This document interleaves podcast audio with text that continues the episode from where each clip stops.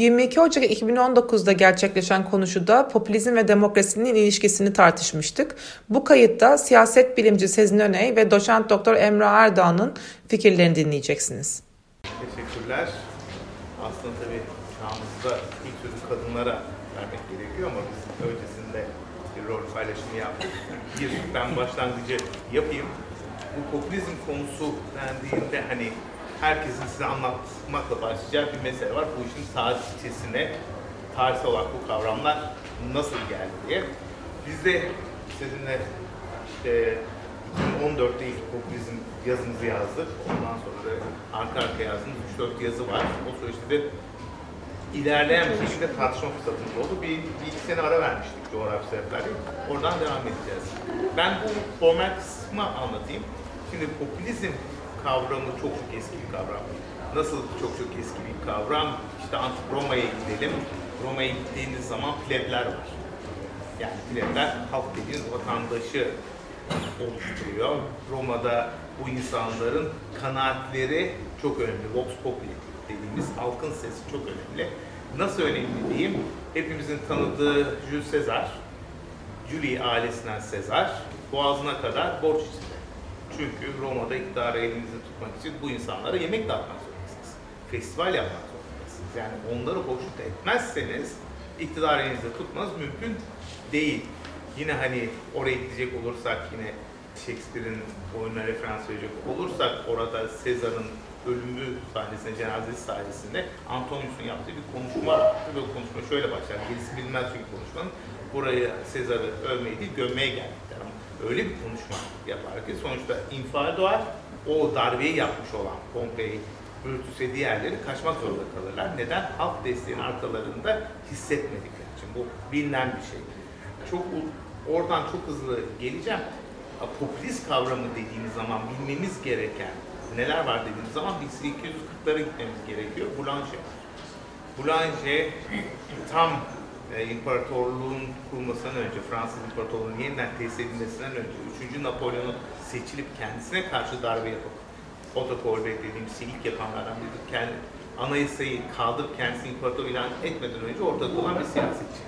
Bir asker ve halkın desteğini alarak iktidarı almaya çalışıyor, başaramıyor. Yine geliyoruz, bunları dediğim gibi popülizmle ilgili her konuşmada duyacaksınız. 19. yüzyılın sonlarına doğru Amerika'da Popülist Parti duyacaksınız. Halkçı Parti diye çevirdiğimiz. Bu da o dönemde iç savaş sonrası Amerika Birleşik Devletleri'nde iktidara oynayan, halkı iktidara getirmeye talip bir hareketten bahsediyoruz. Şimdi bunları teker teker saydığımız zaman epizod gibi yani Aa, bu oldu, bunların ortak özellikleri oldu. Şimdi birazdan Sezgin ona değinecek, üzerine duruyorum. Yine bilmemiz gereken ve bizim aslında aklımızı karıştıran mesele narodnikler. Narodnik Rusya'da halka doğru demek. Hareketin başlangıcı 1850 hafif bir liberalleşmeyle beraber Rusya'nın modernleşmesi çerçevesinde entelektüel hayat harekete geçiyor ve insanlar diyorlar ki biz bunu halksız yapamayız. Halk dediğiniz kim? Köylülerdir, serflerdir. Dolayısıyla gidiyorlar insanları, köylüleri eğitmek, onları da muasır medeniyet düzeyine çekmek için bir halka doğru hareketi yapıyorlar. İsmi Narodnik popülist hareketler. Şimdi bundan itibaren zaten bizim aklımızı karıştırmaya başlıyor. Çünkü Narodnikler her ne kadar başarısız olmuş olsalar da Türk entelijansiyası üzerinde, Türk entelektüel hayatı üzerinde çok iyi etkisi var. Nerede etkisi var? Çok şaşırtıcı değil. Cumhuriyet'in kuruluşunda aslında İttihat Terakki'nin son döneminde ve Cumhuriyet'in kuruluş dönemlerinde Narodnik etkisini açıkça görüyorsunuz. Halka doğru. Meraklısı okumuştur Karos'un oğlunu. Ankara'yı okumuştur. Oradaki öyküyü anlatmıştır. Orada metin altında zaten bunu görürsünüz. Has, kirlenmemiş, bozulmamış bir halk vardır ona karşı kirlenmiş, yozlaşmış İstanbul ve Ankara romanı için söyleyelim, Ankara'dandır. Ankara romanı bir distopya romanıdır, sonra ütopyaya dönüşür zaten. Orada halkın kendi değerlerine dönüldüğü zaman da Cumhuriyet kendi ruhunu bulur. Burada cumhur kelimesi de önemli. Halktan geliyor bunu işte bir e, geçen seçimlerde belki konuşmanın sonu değiniriz. Cumhur İttifakı'ndan kastettiğimiz zaman neyi kastettiğimizi biliyoruz. Bunun da etkisi önemli. Niye önemli? Mesela Ülkü dergisi var. Cumhuriyet'te kurulmuş Cumhuriyet'in erken dönemlerinde Narodnik yani Narodnik'in burada benim hocam olan Zafer Toprak hocamız zaten Türkiye'de popülizmi Narodniklerden başladı. Yani ve çok büyük etkisi var. O kadar büyük etkisi. Hepimizin bildiği üzere altı oktan bir ismi Halkçılık. Buradaki haksızlık nedir? Yani hatırlarsınız belki kitaplar edersen de beş tanesi sayılır da altıncı biraz takılır. Haksızlık derken neyi kastediyoruz? Buradaki bahseden Narodnik'in etkisidir. Ülkünün etkisidir. Ülkü dergisi çok uzun süre geçmiyor, e, yayınlanmıyor. Hükümetin desteğini kaybediyor ama daha sonra düşünceleri korunabiliyor. Yine köye baktığımız zaman e, bir nokta bilgi olarak Peron vardır. Esas popülizm, Latin Amerika popülizmine kökeni olan 1940'larda iktidara gelmiş olan Peron vardır. Evita'yı filmini seyretmiş olanlar, filminde daha iyi anlatıldığı için ya da müzikali seyretmiş olanlar orada bazı sahneleri hatırlarlar. Halk, halkla özdeşleşen Eva Peron, Evita. Eva, Evita Eva'nın şeyi, küçültülmüş Evacı anlamına geliyor. Oradaki halkın üstünlüğü, elitlere karşı, e, kompradorlara karşı mücadele veren bir halk kahramanı olması ve onun bir şekilde şehit olarak, bir azize olarak görülmesi de bu popülizm anlamında. Bu Latin Amerikan popülizm dediğimiz kökenleri çok kuvvetli olan, yani o ülkelerin kendi siyasalarından kaynaklanan bir popülizm kavramı. Ve bizi işte bu, buraya getiren olay da son dönem popülizm dediğimiz aşırı sağ popülizm diye adlandırılan dünyadaki popülist zeitgeist. Zeitgeist dediğimiz iklim ya da düşünce iklim diyebiliriz. Bu nereden başlıyor? Arka arkaya popülistlerin seçim kazanmaları ya da seçimlerinde oylarını çok yükseltmeleriyle bize de bu popülizm nedir diye düşünmek kalıyor. Bu konuda hani Google'a girip baktığınızda popülizm kavramındaki arama sayısının arttığını görüyoruz. Bunu çok net söyleyebilirim. Yani bundan herhalde bir 5 yıl kadar önce popülizm konusunda çalışan 2-3 kişi vardı. Onlardan biri de Sezin'de. Şimdi her doktor öğrencisinin ya da yüksek lisans öğrencisinin hayalinde bir popülizm çalışmak yapabiliyor. O da popülist zeitgeist'ın ya da salgının etkisi diyelim. Kimleri bu tasmime koyuyoruz ilk sözü Sezin'e vereceğim. Bir takım Batı Avrupalı liderleri, AFD'yi koyuyoruz, UKIP'i koyabiliyoruz. Tabii Le Pen'i koymamak mümkün değil. İtalya'da çok eğlencelidir. Ee, beş yıldız koyalım, koymayalım tartışmaları var. Siriza aynı şekilde. Podemos niye koymayalım diye düşünüyoruz. Bu tür hareketler var. Latin Amerika'da Chavez var tartışmasız. Orta Avrupa'da Orban var. Putin. Putin var. Biz varız. Türkiye Cumhuriyeti var. Bu bunları göreceksiniz. Modi var çok başarılı Hindistan'da kaybetti. Abe var. Yani sayısal bitmeyecek kadar lider bu popülizm oluyor. Hatta bugün yayınlanan bir rapor Güney Avrupa'da bir popülist bloğun varlığından doğmasından bahsediyor. Yakındaki Avrupa parlamentosu seçimlerinde popüliste bir blok olarak başarılı olacağını göreceğiz. Ben bu kadar popülist dedikten sonra herhalde bu kadar tanımı yapmayı sizinle bırakmakta fayda var. Böyle şimdi bu kadar aslında bahsettik. Önce ben son söyleyeceğimi önce söyleyeyim yani bu kısımda. Bu tanım en çok kullanılan tanımlardan bir tanesi Georgia Üniversitesi'nden Cass Mullen'inki. Ve o şöyle bir tanım yapmış. Popülizm toplumun iki homojen ve birbirine düşman gruba ayrıştığını öngören bir ideolojidir. Safkan halk ve yoz seçkinler, elitler ve bu ideoloji politikanın iradesinin volonté general yani işte e, toplumun iradesinde, halkın iradesinin ifadesi olduğunu öngörür. Pratikte popülist politikacılar popülizmi diğer ideolojilerle birleştirerek kullanırlar. Örneğin sağda yerlicilik, nativizm ve solda sosyalizm gibi. Burada Mude'nin dikkat çektiği aslında ve popülizmde bizim burada popülizm var diye anlayabileceğimiz yani aslında bir tür e, turnusol e, kağıdı gibi nedir? Bir kutuplaşma ve e, toplumu iki kampa bölen, iki e, kutba bölen bir söylem diyebilirsiniz, ideoloji diyebilirsiniz, bir strateji diyebilirsiniz. E, ki buna da geleceğim. Bu da akademik olarak bir tartışma konusu.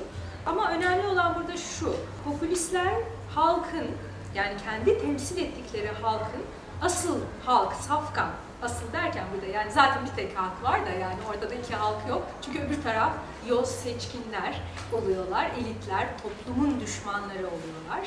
E, toplumun iradesinin önüne geçen, o iradenin ifade edilmesinin önüne geçenler oluyorlar. Ve bu şekilde yani bir sürekli olarak işte bu e, halkın iradesinin e, yanılmaz, hiçbir şekilde hata yapmaz ve önüne set çekilmemesi gereken bir şey olduğunu vurguluyorlar. E bu durumda popülist politikalardan, popülist hareketlerden aslında hesap soramazsınız. Çünkü onlar zaten halk, zaten halkı temsil ediyorlar ve doğruyu temsil ediyorlar. Ve burada Moody'nin aslında tanımında olmayan o tekçi, ve ahlakçı aynı zamanda tarafı da vurgulamak gerekiyor. Yani aslında popülizmin özünde e, o kutuplaşmayla beraber bir ahlakçı taraf da var. Her türlü popülizmde var bu yani doğruyu olmak, iyi olmak, normatif bir e, aslında kavrama kendilerini layık görmek gibi bir hal var. Şimdi popülizmle ilgili akademide çok tartışma var. Hala işte Muden'inki en çok kullanılan tanım ama yani bu tanım usulsüz bir tanım mı? Hayır değil. Birçok aslında popülizmin özelliğini bir araya getiriyor. O açıdan bizim için önemli. Fakat popülizm dediğimizde aslında çok farklı birbirinden liderlerden, çok farklı hareketlerden, çok farklı kültürlerden popülizmin tezahür ettiği bahsediyoruz. Dolayısıyla bunların ortak noktasını bulabilmek çok zor olduğu için ve e, çoğu zaman da e, bir iletişim sorunu yaşandığı için bu konuyu çalışan akademisyenler arasında sadece iletişim sorunu dil meselesi de değil. Yani tamamen farklı örnekleri aslında birbiriyle karşılaştırmaya çalıştığımız için bir akıl karışıklığı var hala. Ya yani 1950'lerden beri aslında popülizm kavramı akademide var. Üstüne yazılıyor, çiziliyor, araştırmalar yapılıyor, teorisi oluşturulmaya çalışılıyor. Ama bugüne geldiğimizde e, bütün artık her köşede Google'da en çok aranan kelimeler olmasından yılın kelimesi seçilmesine, Oxford Üniversitesi'nin bu konuda bir el kitabı yayınlamasına rağmen evet bu kavram şudur, böyledir, e, biz tamamen bir akademisyenler olarak adeta bilimsel bir kanun haline getirdik şu tanımı diyemeyiz. Böyle bir şey maalesef yok. Bu düzlem e, işte farklılıkları ve işte görüş ayrılıkları da tartışmalarda tabii ki bir iletişim kopukluğunu da yaratıyor. Biraz dediğim gibi kavramın kendisi zaten çok kalemun gibi bir kavram olduğu için cıva böyle yakalamaya çalışıyorsunuz elinizden sürekli kaçıyor gibi. Böyle bir durum var. Ama biraz bunun tabii ki çok farklı metodolojilerle, çok farklı alanlardan gelen, kökenlerden, kültürlerden gelen akademisyenin birbir, birbirleri diyaloğunun biraz zor olmasında burada etkisi var diye düşünüyorum. Tüm bunların ötesinde bir de e, akademik e, çevrelerde şöyle bir durum var. Yani popülizmi e, daha bu konu olmadan ha popü ne pop pop falan gibi böyle adeta insanların böyle bir birbirine davrandığı popülizme konu eden makalelerin hiç okunmadığı zamanlardan bugünlere geldi. Bugün artık popülizm konusunu konuşmanıza, yazınıza veyahut da işte herhangi bir görüşünüze katmazsanız artık o görüşe görüş denmiyor. Dolayısıyla bir popülizm geçirmek gerekiyor lafın arasında. Dolayısıyla akademik çevrelerde de e, çok rağbetti. Ama bu rağbet e, maalesef bir kaliteyi dediğim gibi ortak zeminde çok e, getirmiş denemez. Burada işte benim için bir 10 yıllık meydan okuma aslında daha da gerisi var ama ben daha çok aşırı sağ hareketlerle çünkü ilgilenerek başladım. Asıl alanım da o zamanlar o değildi. Milliyetçilik çalışıyordum ve daha sonra e, Yahudi tarihi çalışıyordum hatta. Yahudi tarihi çalışırken ben bir baktım kendim yavaş yavaş 19. yüzyıldan tamamen bugünlere doğru ilerliyorum ve aşırı sağ hareketleri daha çok merak etmeye başlıyorum ki bunlar 2000'lerin ortaları başlarından bahsediyorum yani o zamanlarda.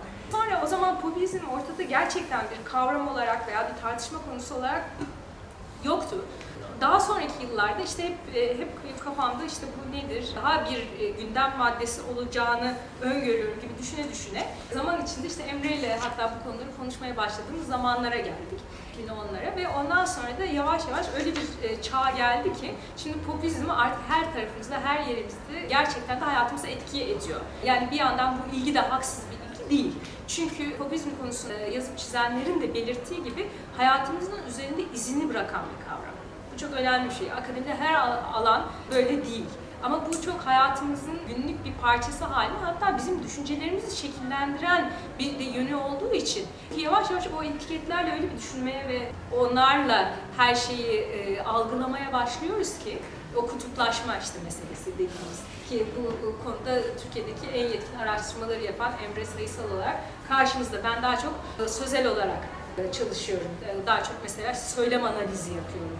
Nedir? İşte e, partilerin ve işte politikacıların ürettiği metinler üzerinden gidiyorum. Onları okuyarak vesaire, onları an, analiz etmeye, oradaki popülizmi teşhis etmeye çalışarak. Ama Emre sayısal olarak toplumdaki tam da tezahürünü aslında çalıştığı için günlük hayatın her alanında biraz da popülizmi görebiliyor. Benim de ilerim boyutunda olarak. Yani günlük hayat popülizmi diye aslında yepyeni de bir çalışma alanı oluşturabilir diye düşünüyorum. Sonuç olarak dediğim gibi yani e, bu kalemum gibi bir kavram dedik ve akademi de işte bu e, Mude'nin tanımının üstüne bir dolu başka tanımlar eklenebilir. Ki benim mesela hoşuma giden Paul bir e, sözü var bu şeyle ilgili. Politikanın antitezi diye. Biraz böyle bir şey var aslında çünkü politikayı öldüren bir yanı da var bence popülizmin. Demokrasi olmayan yerde yaşayamıyor. Biraz otoriterlikle bu anlamda biraz ayırmalıyız. Sandığı Çünkü, sadece. Sandığı önceleme Sandığı ve işte önceleme. halkın iradesi. Şimdi halkın iradesinin hiçbir şekilde temsil görmediği bir yerde veyahut da sandığın olmadığı bir yerde popülizmden ne kadar bahsedebiliriz bir tartışma konusu olarak ortaya atabiliriz. Ama bunun ötesinde popülizmin işte politikanın antitezi olması vesairenin dışında nasıl sınıflandırabiliriz diye de bir soru var ortada. Ve buna da genel yaklaşım bir ideoloji olarak sınıflandırabiliriz. Yani işte bir fikirler bir anlamda bütünü gibi ki Mude burada şeye de dikkat çekiyor. Zayıf merkezli bir ideoloji diyor. Yani bu biraz popülistlerin çok o derin bir e, aslında söylem ortaya koymadığı, mesela bir komünizm veya da işte kapitalizm dediğimizde bir külliyattan belki bahsediyoruz ama popülizmde el kitapları böyle adeta e, ideolojik olarak vesaire pek de ortada yok. Dolayısıyla bu e, çok derin bir fikirsel aslında bütünden mi bahsediyoruz diye burada bir soru var. Ama bence daha önemli olan çok farklı ülkeler, kültürler ve vakalardan bahsettiğimiz için bir ideoloji demek biraz bazılarımıza zor geliyor. O yüzden e, bir e, strateji diyenler var. Yani bir örgütlenme biçimi. Yani popülist örgütlenme aslında işte kendi içinde bir, bir anlamda nepotizmi de, kayırmacılığı da vesaire de liyakat yerine barındıran bir tür örgütlenme biçimi, bir mobilizasyon biçimi ve aynı zamanda işte partilerin ona göre yapılanması vesaire mi e, veya hareketlerin veya da bir söylem mi? Yani politikaların, politikacıların kullandığı bir aslında hitabet biçimi, bir söylem, e, ifade şekli mi? Belki aslında duyduğumuz ve bize de yani işte şeyleri dinleyicilere de empoze edilen böyle bir şey mi? Ki ben de işte bu aslında tanımlar arasında gidip geldim tartışma konusu olabilir ne olarak tam görebiliriz diye ama ben şimdi ideoloji noktasını da birazcık ki söylem ve strateji dönemlerimi de yaşadıktan sonra karar kılıyor gibiyim. Çünkü her ne kadar işte çok derin e, merkezli veyahut da işte sati mi bütün bunların ötesinde evet bir fikirler bütünü var.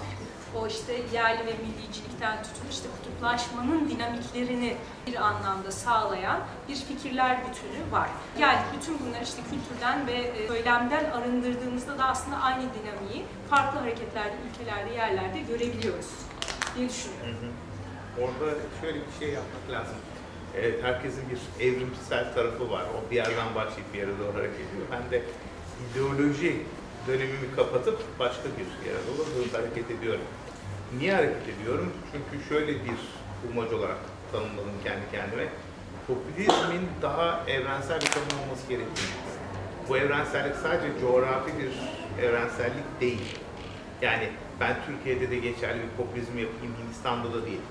Benim ve benim gibi düşünen birkaç kişinin kafasına soru işareti dikey bir popülizmden bahsediyorum. Evet, ülkede popülizm var.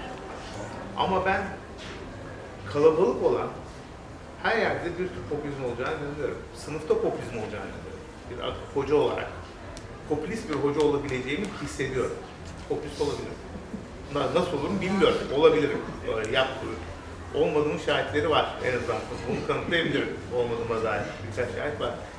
Evde popülist olabilir. Popülist bir hane ağzı olabilir. Hasbel kadar bir yüzde kulübümüzün yönetiminde yer alıyorum. Orada da popülizm yapabiliriz. Hissediyorum bunu. Yapıyorlar da. Anladın mı? Yani öyle bir popülizm tanıtı içine koşmalıyız ki dikey olarak buradakini açıklama. Şurada da popülist olabiliriz. Hani onu konuşuyorduk yani gel nasıl olur bilmiyorum. Yani yapabilen arkadaşlarım olduğunu hissediyorum bu his. Dolayısıyla yani ideoloji dediğim zaman bunlar için çok katı kalıyor. Biraz daha aşağıya gelmek, biraz daha işte tarz diyenler var, popülist bir tarz. Popülist bir fikir, en sonunda bağlanan nokta o, fikri diyoruz, ideational dalına geldik ama bunlar yani akademisyenler diğerlerinden daha farklı olduklarını göstermek için sürekli kavram üretiyorlar. O yüzden çok belki ciddiye almak lazım ama benim aradığım popülizm tanımı biraz daha dikey olabilen bir popülizm tanımı. Şimdi sizin özellikle bu konuda söyleseniz geçen sene bir bunun genealojisi derler. Gen bilimine bir baktım bu kavramın gen bilim, akrabalıktan nedir dediğim zaman. Ve bunun içinde işte yayınlanmış ana başlı başlı büyük eserleri bir taradı. Popülizm derken ne kastediliyor ve tek tanım yok. Mesela şu anda popülizmin yani batı merkezli popülizmi kafamıza kakıyorlarsa batı merkezli popülizmden bahsederken diğerlerinden farklı olarak mutlaka xenofobi devreye. Göçmen karşıtı giriyor. Yani nerede mesela bunu siz batıdan alın İngiltere'de bahsettiğiniz zaman göçmen karşıtı var. Fransa'da göçmen karşıtı var. Almanya'da göçmen karşıtı. Avusturya'da göçmen karşıtı. Nerede batıdan doğuya geldiğiniz zaman bir göçmen karşıtlığı kavramının mutlaka kullanıldığını görüyorsunuz. Göçmen karşıtlığı kullanılmayan bir vaka yok. Biraz doğuya gittiğiniz zaman işte bu neler olduğuna Polonya'ya baktığınız zaman, Macaristan'a baktığınız zaman sizin çok çok daha iyi biliyor. Çek Cumhuriyeti'ne mesela baktığınız zaman ve Rusya'ya baktığınız zaman göçmen karşıtlığı yerini özcülüğe bırakıyor, nativizme bırakıyor. Yani göçmenlere karşı değil, bir şeyin üstün olduğu meselesine bırakıyor. Ve bu arada tabii bu haritada neyi görüyoruz? Avrupa Birliği üyesi ülkelerde doğuya geldiğiniz zaman sağlam bir Avrupa karşıtlığı görüyorsunuz. Şimdi bu Avrupa karşıtlığı tabii başka yerde de var ama vurgu da var. Şimdi burada olan manzara bu Avrupa'ya dolaştığınız zaman sol popülizm meselelerine girmiyorum. Hani onlar biraz daha farklı. Latin Amerika çok farklı. Latin Amerika'da kuvvetli bir müesses nizam diye çevireceğim. Kurulu düzen karşıtlığı görüyorsunuz vurguda.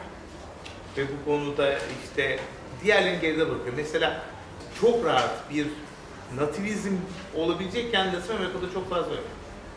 Yani oradaki has ırkın diğerlerinden daha iyi olduğuna dair bir vurgu yok. Göçmen karşıtı Latin Amerika'da ne kadar olabilecek yani öyle bir özelliği var ama orada çok şey görebiliyorsun. Bir sayısı az ama bence bize yakın sıradan insanı görüyorsunuz kaydığınız zaman. Sıradan, sıradan bir insanın halkı temsilen lider olmasından bahsediyoruz. Halkla doğrudan iletişim kuran liderlerden bahsediyorlar Asya'ya doğru kaydığınız zaman. Yani halkı temsil eden, halkın kendisi olan liderlerden bahsediyor. Dolayısıyla bütün bunlar aynı havuza atıldığı zaman kavram kargaşası yaratıyor. Çünkü dediğim gibi her ülkenin kendine ait bir kültürü var, bir geçmişi var. Her ülkenin kendi deneyimi var. Ve en önemlisi bence hani bundan sonra popülizm çalışacak insanlar var ise şunu bir parantez için düşünmeleri lazım. İktidardaki popülizmle iktidarda olmayan popülizm arasında çok büyük. Ama ne görüyorsunuz? Batı merkezli çalışmalar ve baktığınız zaman bütün bunları aynı yere attıklarını ve aynı muameleyi gösterdiklerini. Böyle. Bunlar çok farklı. İktidarda olan popülizm işte Putin olabilir, Orban olabilir, başka aklınıza gelen isimler olabilir. Farklı bir popülizm. İktidardaki popülizm. Öteki popülizm AFD'nin oyları bugün %12 olsa olsa %14. Ne zaman iktidara gelirler hiç bilmiyoruz. Le Pen'inki daha muhtemel ama dediğim gibi marjinal hareketlerin popülizmiyle bunları karşılaştığınız zaman zaten ölçek sorunu yapıyorsunuz. Dolayısıyla bunda akılda tutmakta fayda var ve çünkü her ülkenin benzersiz deneyimi var. Ha bu arada bunlar birbirle akraba değil mi? Akraba. O yüzden de işte geçen seneki sunumda e, siz başka bir yerden bileceksiniz. E, Richard Dawkins'in bir kavramı vardır, meme diye. Meme plays diye bir kavram vardır. Richard Dawkins Gen Bencildir kitabında geni anlatır. Gen Bencildir çok mizahi bir şekilde şunu der. Bizim varoluş amacımız genlerin kendi özelliklerini bir sonraki kuşağa aktarmalarıdır. Biz gen taşıyıcısı araçlarız der. Son bölümde çok spekülatif de der ki bu kadar anlattın anlattın bana şunu soracaksınız gen benzeri başka bir yapı var mı? Ben de buna mim diyorum. Mim de kültürel kod. Kopyaladığımız kodlar. çok uzatmadan örneği vereyim. Ben burada beyefendiye kağıttan kurbağa yapmayı öğretiyorum. O yanındakini öğretiyor. O yanında herkes kopyalarken bir şeyi bozuyor. Ve en sonunda kağıttan uçak çıkıyor. Aynı mimlex. Bunun mimlexleri. Siz mimi nereden biliyorsunuz? Kedi, kedi resimlerinden vesaire biliyorsunuz. Kopyalama. İşte bir yerde ben bunu anlatırken şeyi gösteriyorum.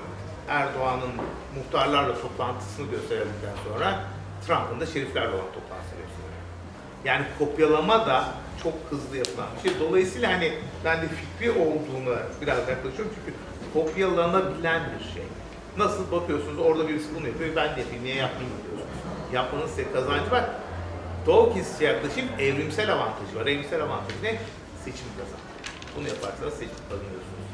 Deyip sözü sezine geri veriyorum o bize nedenlerini anlatsın. E, nedenleri şimdi e, tabii bu kavram karışıklığını ve akademik işte tartışmaları Emre ile benim aramda geçen de bu şeyden anlamışsınızdır. Yani e, hem biz akademisyenler ve işte şeyler bu konuyu inceleyenler olarak kendi fikirlerimizi zaman içinde biraz değiştiriyoruz ama popülizmin de bu arada iktidarda olduğu yerler ve işte özellikle şimdi Burada şuna dikkat çekmek lazım. Popülizmin iki patlaması oldu belki. 2008 sonrası e, e, dünyada işte bu e, küresel finansal krizden sonra ve işte özellikle tabii Yunanistan ve Yunanistan'da daha sonra benim de şimdi yaşadığım e, orada Siriza'nın e, iktidara gelişi daha sonraki yıllarda e, 2015'te vesaire bütün bunlar işte şey yaptı yani bir popülizmi 2008'den 2015'e kadar e, bütün dünyada ve Avrupa'da gündemimize soktu bütün o hareketlerin yükselişi vesaire.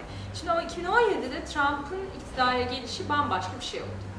Orada biri gerçekten bütün dünyanın meselesi haline geldi. Çünkü Amerika zayıflasa da şu da olsa bu da olsa vesaire ne derseniz deyin ne askeri gücü e, vesaire hepsi bir arada ekonomik gücü e, bütün bunları beraber aldığımızda ve e, 2017'de işte zaten o popülizmin dünya çapında arama, taramalarda vesaire internet üzerinden de bir kavram olarak patlayışı o noktada oldu. Şimdi nedenleri derken çok farklı kültürler, yerler, durumlardan bahsettik. İşi sadece mesela tutup da ekonomik krize bağlamak doğru bir şey değil. Çünkü Almanya şu ara e, ekonomik olarak en iyi dönemlerini yaşıyor. Kamuoyu araştırmalarına baktığımızda halkın en memnun olduğu hayatından dönemlerden bir tanesi ve AFD'nin yükselişini orada görüyoruz. Ve AFD'nin yükselişi sıradan bir şey değil çünkü Almanya'da bütün tabuların yıkılması demek. E şimdi o zaman göçmen krizine mi bağlayalım? Göçmen krizi her şeyi değiştirdi. Tek açıklama bu mu? Yani şimdi ekonomik açıklama değil, kriz sonrası popülizm ortaya çıkar krizle beraber çıkar değil, e, göçmen karşıtlığıyla ortaya çıkar, göçmen korkusuyla ortaya çıkar. Böyle baktığımızda mesela Polonya'da da Hukuk ve Adalet Partisi'nin yükselişi, bir de Polonya'da hiç göçmen yok. Tamam göçmen karşıtı söylem var vesaire ama yani şimdi bütün bunları tek bir sebep ile açıklamak mümkün değil. Dolayısıyla işte popülizme takıldığımız noktalardan bir tanesi de bu. Bir kere zaten olmayan bir düşmanı veya da konuyu yaratabiliyorsunuz. Bunun bir örneği de işte benim uzun seneler yaşadığım Macaristan.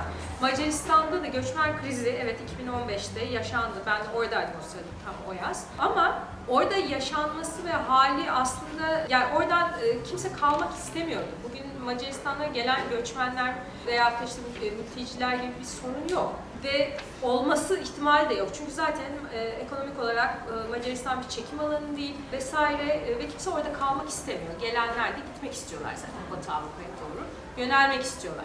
Ama zaten öyle bir orada e, şey yapılmış durumda ki genel olarak da tedbirler vesaireler şunları bunları e, yani sınırlar öyle bir çelik hale getirilmiş durumda ki zaten artık e, gelebilen de olmuyor. Ama bu e, sabah akşam Macaristan'da bir gündem. Televizyonu açtığınızda sürekli patlamalar, e, bir böyle istila hali, karanlık karanlık insanların adeta sürekli televizyon haberlerinin üstünüze geldiğini görüyorsunuz.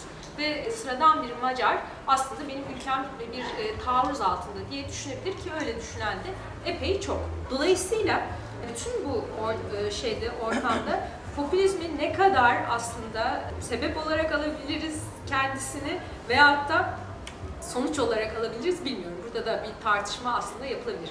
Belli evet yapısal nedenlerin popülizme dünya genelinde bu adeta gördüğümüz salgına neden olduğu konuşuluyor, düşünülüyor. O da nedir? Aslında işte küreselleşmenin bazı kesimleri yoksun bıraktı. Sadece yoksulluktan bahsetmiyorum ama yoksun bıraktı. Mesela bazı şehirlerin, bazı bölgelerin, yerlerin artık eski yıllarda garanti altında olabilecek, sayılabilecek e, ekonomik kaynaklarından tutun işte şeylerin sosyal, toplumsal imkanlarına bütün bunların da geri kayış yaşanması ve yeni merkezler ortaya çıkması. İşte mesela bu son jilejon şey ayaklanmaları da işte, işte sarı yelekler kapsamında bu işte çerçevesinde çok üstüne konuşuldu aslında. Kaybedenleri, küreselleşmenin ve kazananları arasındaki gerilimin de popülizmin sebeplerinden bir tanesi olduğu öne sürüldü. Ama burada evet yani bazı yerlerde erken başlayan da bir popülizmden bahsettiğimiz için mesela Türkiye'yi de aslında bir popülist örnek olarak alırsak burada daha çok belli bir sebep sonuç e, aslında sıralamasından çok veya net bir çizgi çekebileceğimiz sebep sonuçlardan çok şöyle bir e, durumun olduğunu düşünüyorum. Yani popülizm bir kere dünyanın e, sadece küreselleşmeydi vesaire değil, yeni medya araçlarıyla mesela çok ilgisi var. Mesela eski popülizm işte bütün bu halkçılıkla aslında bağdaştırabileceğimiz veya demokrasiyle ilintilendirdiğimiz bütün kavramlarla bağlayabileceğimiz popülizm yönleri evet var.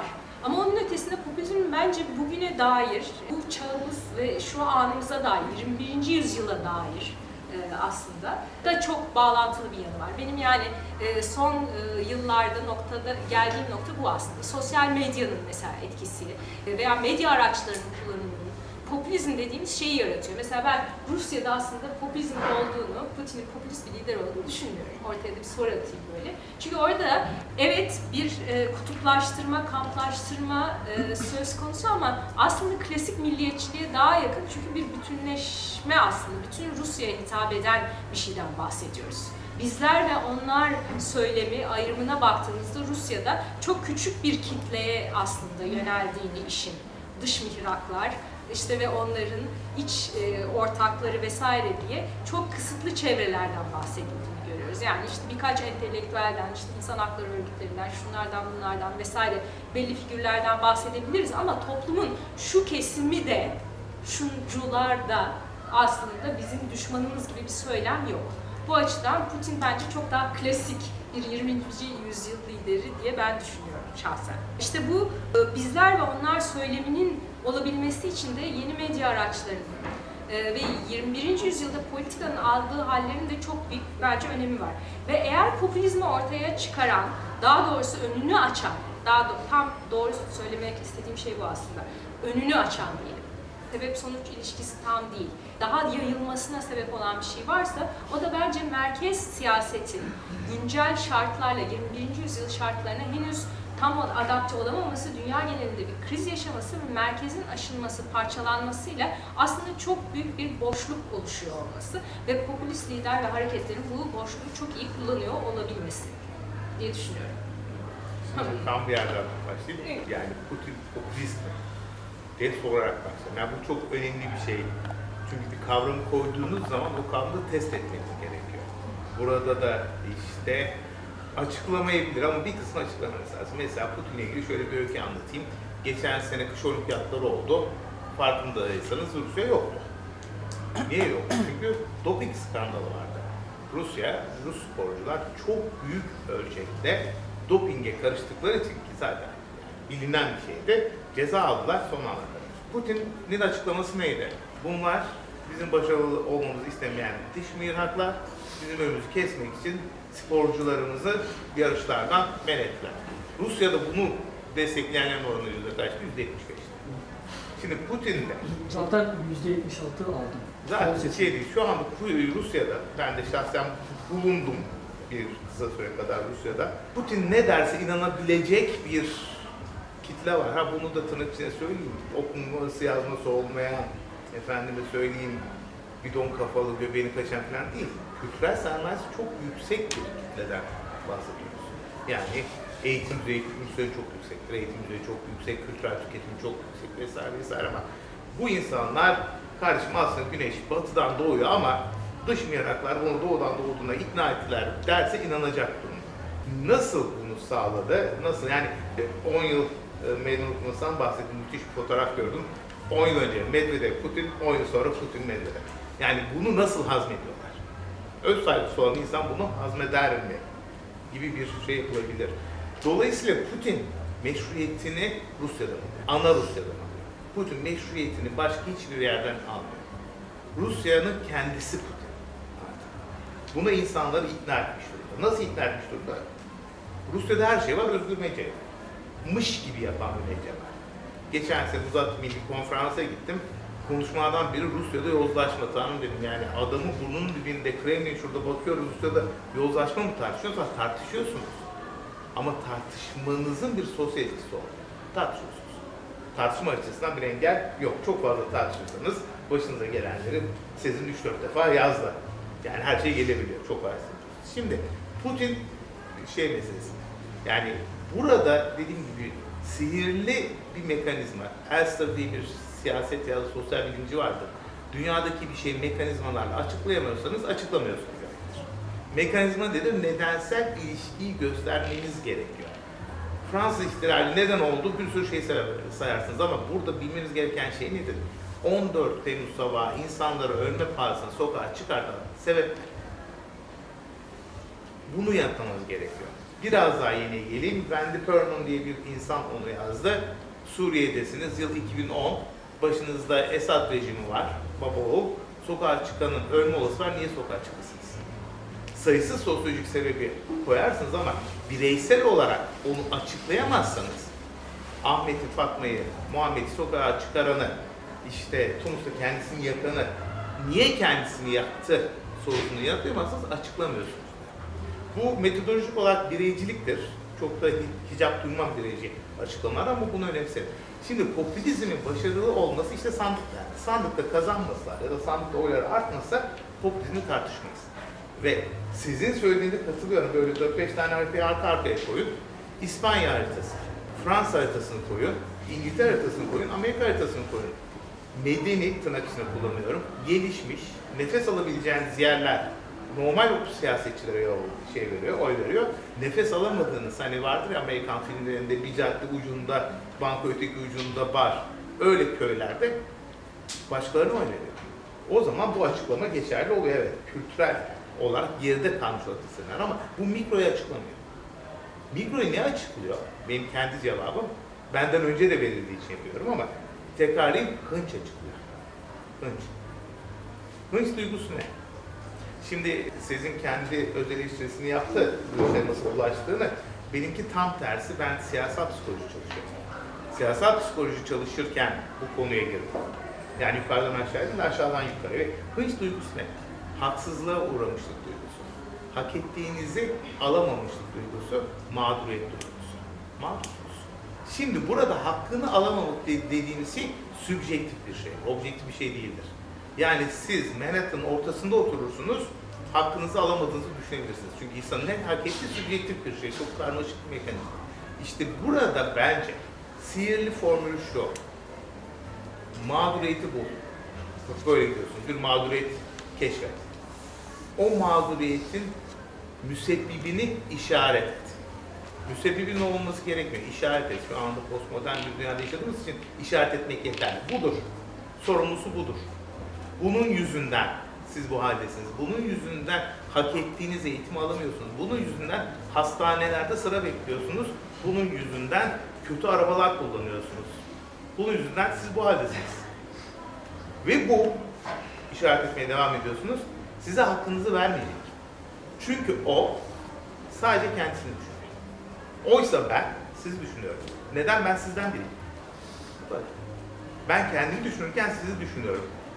1990'lara yetişmeyenler şanslı. 1990'ların çok sıkıcı bir siyaseti vardı. Gerçekten sıkıcı bir siyaseti vardı. Hani yurt dışına gittiğinizde şöyle açıklamalar yapıyorsunuz. Yok o baba Demirel değil, aynı Demirel. 30 yıldır aynı Demirel. Peki Anavatan Partisi Doğru Yol Partisi arasındaki farkı yok. Peki niye ayrı partiler? Yok işte canım ayrı partiler. Sırayla iktidara geliyorlar. Birlikte iktidara geliyorlar mı? Hayır gelemiyorlar. Bunu açıklamak zorundasınız. Yani DSP kaç kişi? iki kişi falan. Yani bir sonra Metin Özkan ama böyle sıkıcı bir siyaset döneminde ortada bazı siyasetçiler var bir gün çalışmamış. Bir gün eli ekmek tutmuş. Var. İsim sayabilirsiniz. Burada siz de sayarsınız. Bir gün çocuğunu nasıl okutacağını düşünmemiş bu adam. Bir gün hastane sırasında beklememiş. Bir gün bir kaygısı olmamış adamın ya. Ama ülkenin geri kalanı cayır cayır yanıyor. Mağdur. Peki bu adam niye bu sorunları çözmüyor? Çünkü o kendisinde. O zaman sizden biri, işte ben sizden biriyim. Sizin gibiyim. Sizin aynı mahallede büyüdüm. Sizin kadar eğitim aldım. Türkiye'de ortalama eğitim yılı hala 8 değil. Sizin kadar entelektüelim, sizden bir santim entelektüel değilim. Sizin kadar okuma yazmam var. Sizin gibiyim ya karım size benziyor, çocuğum size benziyor. Sizden biriyim işte. Var mı daha ötesi? İşte bunu verdiğiniz zaman ve müsebbibini işaret ettiğiniz zaman önünüz çok açılıyor. Bu yalan olsa bile. Mesela Amerika Birleşik Devletleri'nde Trump'ın fakir bir insan olduğunu inananlar var. Var. Yani fakir olduğunu düşünüyorlar. Trump'ın dediğim gibi vasıfları çoktur. ikna edicidir. Doktoruma bir şey söyleyeyim mi? Herhalde Clinton'ın servetinin bir 100 katı kadar serveti var. Ama Trump Clinton'lardan daha halka yakındır. Clinton'lar ve onların ekibine Amerika'da limuzin demokratları denir. Çünkü baktığınız zaman hayatları boyunca halkla bir işler olmamıştır. Kendi rezerve alanlarında yaşamışlardır. Bu çok önemli bir şey. İşte bu hıncı müsebbibini işaret etmek ve o mağduriyetin giderileceğini söz vermek oluyor. O zaman da işte bizim günah keçisi gösterme meselesi geliyor. Başınıza gelen her şeyin sorumlusu başkalarıdır. Bu sosyal psikolojik mekanizma. Kendi başınıza gelenlerin sorumlusu başkalarıdır. Başkalarının başına gelenlerin sorumlusu kendileridir. Kendi başımıza bir şey geliyorsa şanssızlıktır, onun ikisi kendi hatasıdır. Sosyal psikolojide buna temel atıf hatası denir. Türkiye doğru çevirirsen. Bu insani bir şey ve işte insani bir şey söylüyor. Peki burada mekanizma esas sizinden ayrıldığın noktada ne? Merkez partiler bir demokrasi sorunu. Bize demokrasi diye satılan şey sorun. Çünkü bize satılan, biz insanlık adına konuşuyorum, insan olarak konuşuyorum, satılan parlamenter demokrasi denen şey bizim iradelerimizin tezahürü değil. Şu anda bir parlamenter demokraside değiliz. Otoriter. Yok, parlament, baş, par- parlamenter demokraside değiliz. Niteliği ayrı bir şey. Parlamenter demokraside olsaydık, milletvekillerimiz kim seçecekler? Biz mi seçiyoruz milletvekillerimizi? Atanıyorlar. Ben bir tane milletvekili seçmiş değilim. Ön seçimi yapan partide bile atanıyor. Peki, onları atayan adamı kim seçti? Ben mi seçtim? Hayır. Onu da başkası seçti. Kim seçti? Medya seçti. Baronlar seçti. Bankacılar seçti. Birileri seçti. Bir gecede başımıza getirdiler. Ha işaret ettiler bu liderimizdir dediler. Mesut Yılmaz burada değil değil mi? Mesut Yılmaz'ı Mesut Yılmaz birisi seçti mi? Mesut Yılmaz bir gün seçim mi kazandı? 1991'den itibaren. 91'den 2001'e siyasi aktördür. Sonra da bağımsız milletvekili oldu. Kim seçti onu? Bakanları kim seçti? Bir sürü bakan gelir geçiyor. Belediye başkanımızı kim seçiyor? Biz mi seçiyoruz? Düşünün ya, kim seçiyor belediye başkanlarını? Geriye gelin. Hadi biz Avrupa Birliği'ne üye olmayan şanslı milletlerdeniz. Birden bir krize geliyor, giriyor ülkeniz ve bu krizin müsebbibi sizin hükümetiniz. Tamam. Ama gevşetici para politikalarını uygulamayan bir Merkez Bankası'na bağlısınız göbekten. Şimdi krize girdiğiniz zaman yapacağınız birinci mesele gevşetici para politikasıdır. Keynes'den beri. İzin vermeyen bir ülke var. Almanya. Almanya'da gevşetici para politikası olmaz. Enflasyon karşıtır. Şimdi ben açlıktan ölüyorum. İşsizlik %35'e gelmiş.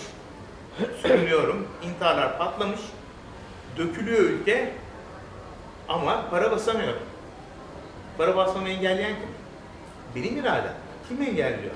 Ya para basmak bir devletin en doğal hakkı. Basabiliyor mu? Basamıyor. Kim engelliyor bunu? Kim karar veriyor? Bürokratlar. Ben mi seçiyorum? Hayır. Ve onların yerli işbirlikçileri. Yani bu formülasyonu istediğiniz kadar Biz, bu yeni bir şey değil. 1990 yılında da parlamenter demokrasi, demokrasi değil. Parlamenter demokrasi, Westminster tarzı demokrasi, İngiltere'de değilseniz tamamen bir oyunmuş gibi. Seçim varmış gibi. Partiler varmış gibi. Politikalar varmış gibi. Sizin kaderinizi belirleyen şeyler var. Mesele bu. Mesele bu, bu hınç işte. İki dakika onların yerine düşmeye başlayın, hırslanıyorsunuz değil mi? Sizin geleceğinize başkaları karar veriyor. Dolayısıyla ben esas sorun yani merkez partilerin başarısızlığında değil, demokrasinin başarısızlığında yapmış. Bu demokrasi, şimdi ona geleceğim, ondan sonra da e, bazısı yapacağım. Şu anda Avrupa'da bazı tartışmalar var. Varoufakis, duymuşsunuzdur belki. Ki de kendisi gayet elittir. Piketty ile beraber bir araya gelip vesaire vesaire bu arkadaşlar Avrupa'yı korumak istiyorlar. Avrupa'yı koruyacak olsanız onu sorarak hocam nesini korursunuz? Avrupa'yı korurken Brüksel bürokrasisini mi korursunuz? Süt fiyatlarına karar veren, perile veren, hiç ne işe yaradığınızı bilmediğiniz Avrupa Parlamentosu, hatta hatta bir İngiliz milletvekili mükemmel bir konuşması vardı Belçikalı e, şey, bir başkanı var Avrupa Birliği'nin ne işe yaradığınızı bilmiyorsunuz. Bir dışişleri bakanı var, dış politikası yok, ordu kurmaya kalkıyor, ordusu yok. Bunları mı test edersiniz yoksa başka bir şey mi test edersiniz? Şimdi restorasyon çözüm değil diyerek bırakacağım. Popülizm çağında eski demokrasiyi restore ederek popülizmden daha iyi bir yere getiremezsiniz. Ne yapmış olursunuz? Yapacağım benzetme konusunda özür dileyerek şey yapacağım. Hepinizin çoluk çocuğu var ama vazoyu kırmış olan çocuğa topu bir daha vermiş olursunuz. Aa bak bir tane daha vazo var, mümkünse 10 dakika kardeşim olursunuz. Herhangi bir tedbir almadan. Dolayısıyla hani merkez partiler yeniden gelseler bile yani İtalya'daki merkez partileri hatırlıyor musun bilmiyorum. Sosyal Demokrat Parti diye bir parti vardı. İtalya politikası iki dakika okuyun, siz de gider Lega Nord'a oy verirsiniz yani. Bu adamlara oy vermeniz mümkün değil. Siz yıllarca mafya ile el ele kol kolu ülke yönettiler ve ülkenin hem güneyi hem kuzeyi süründü.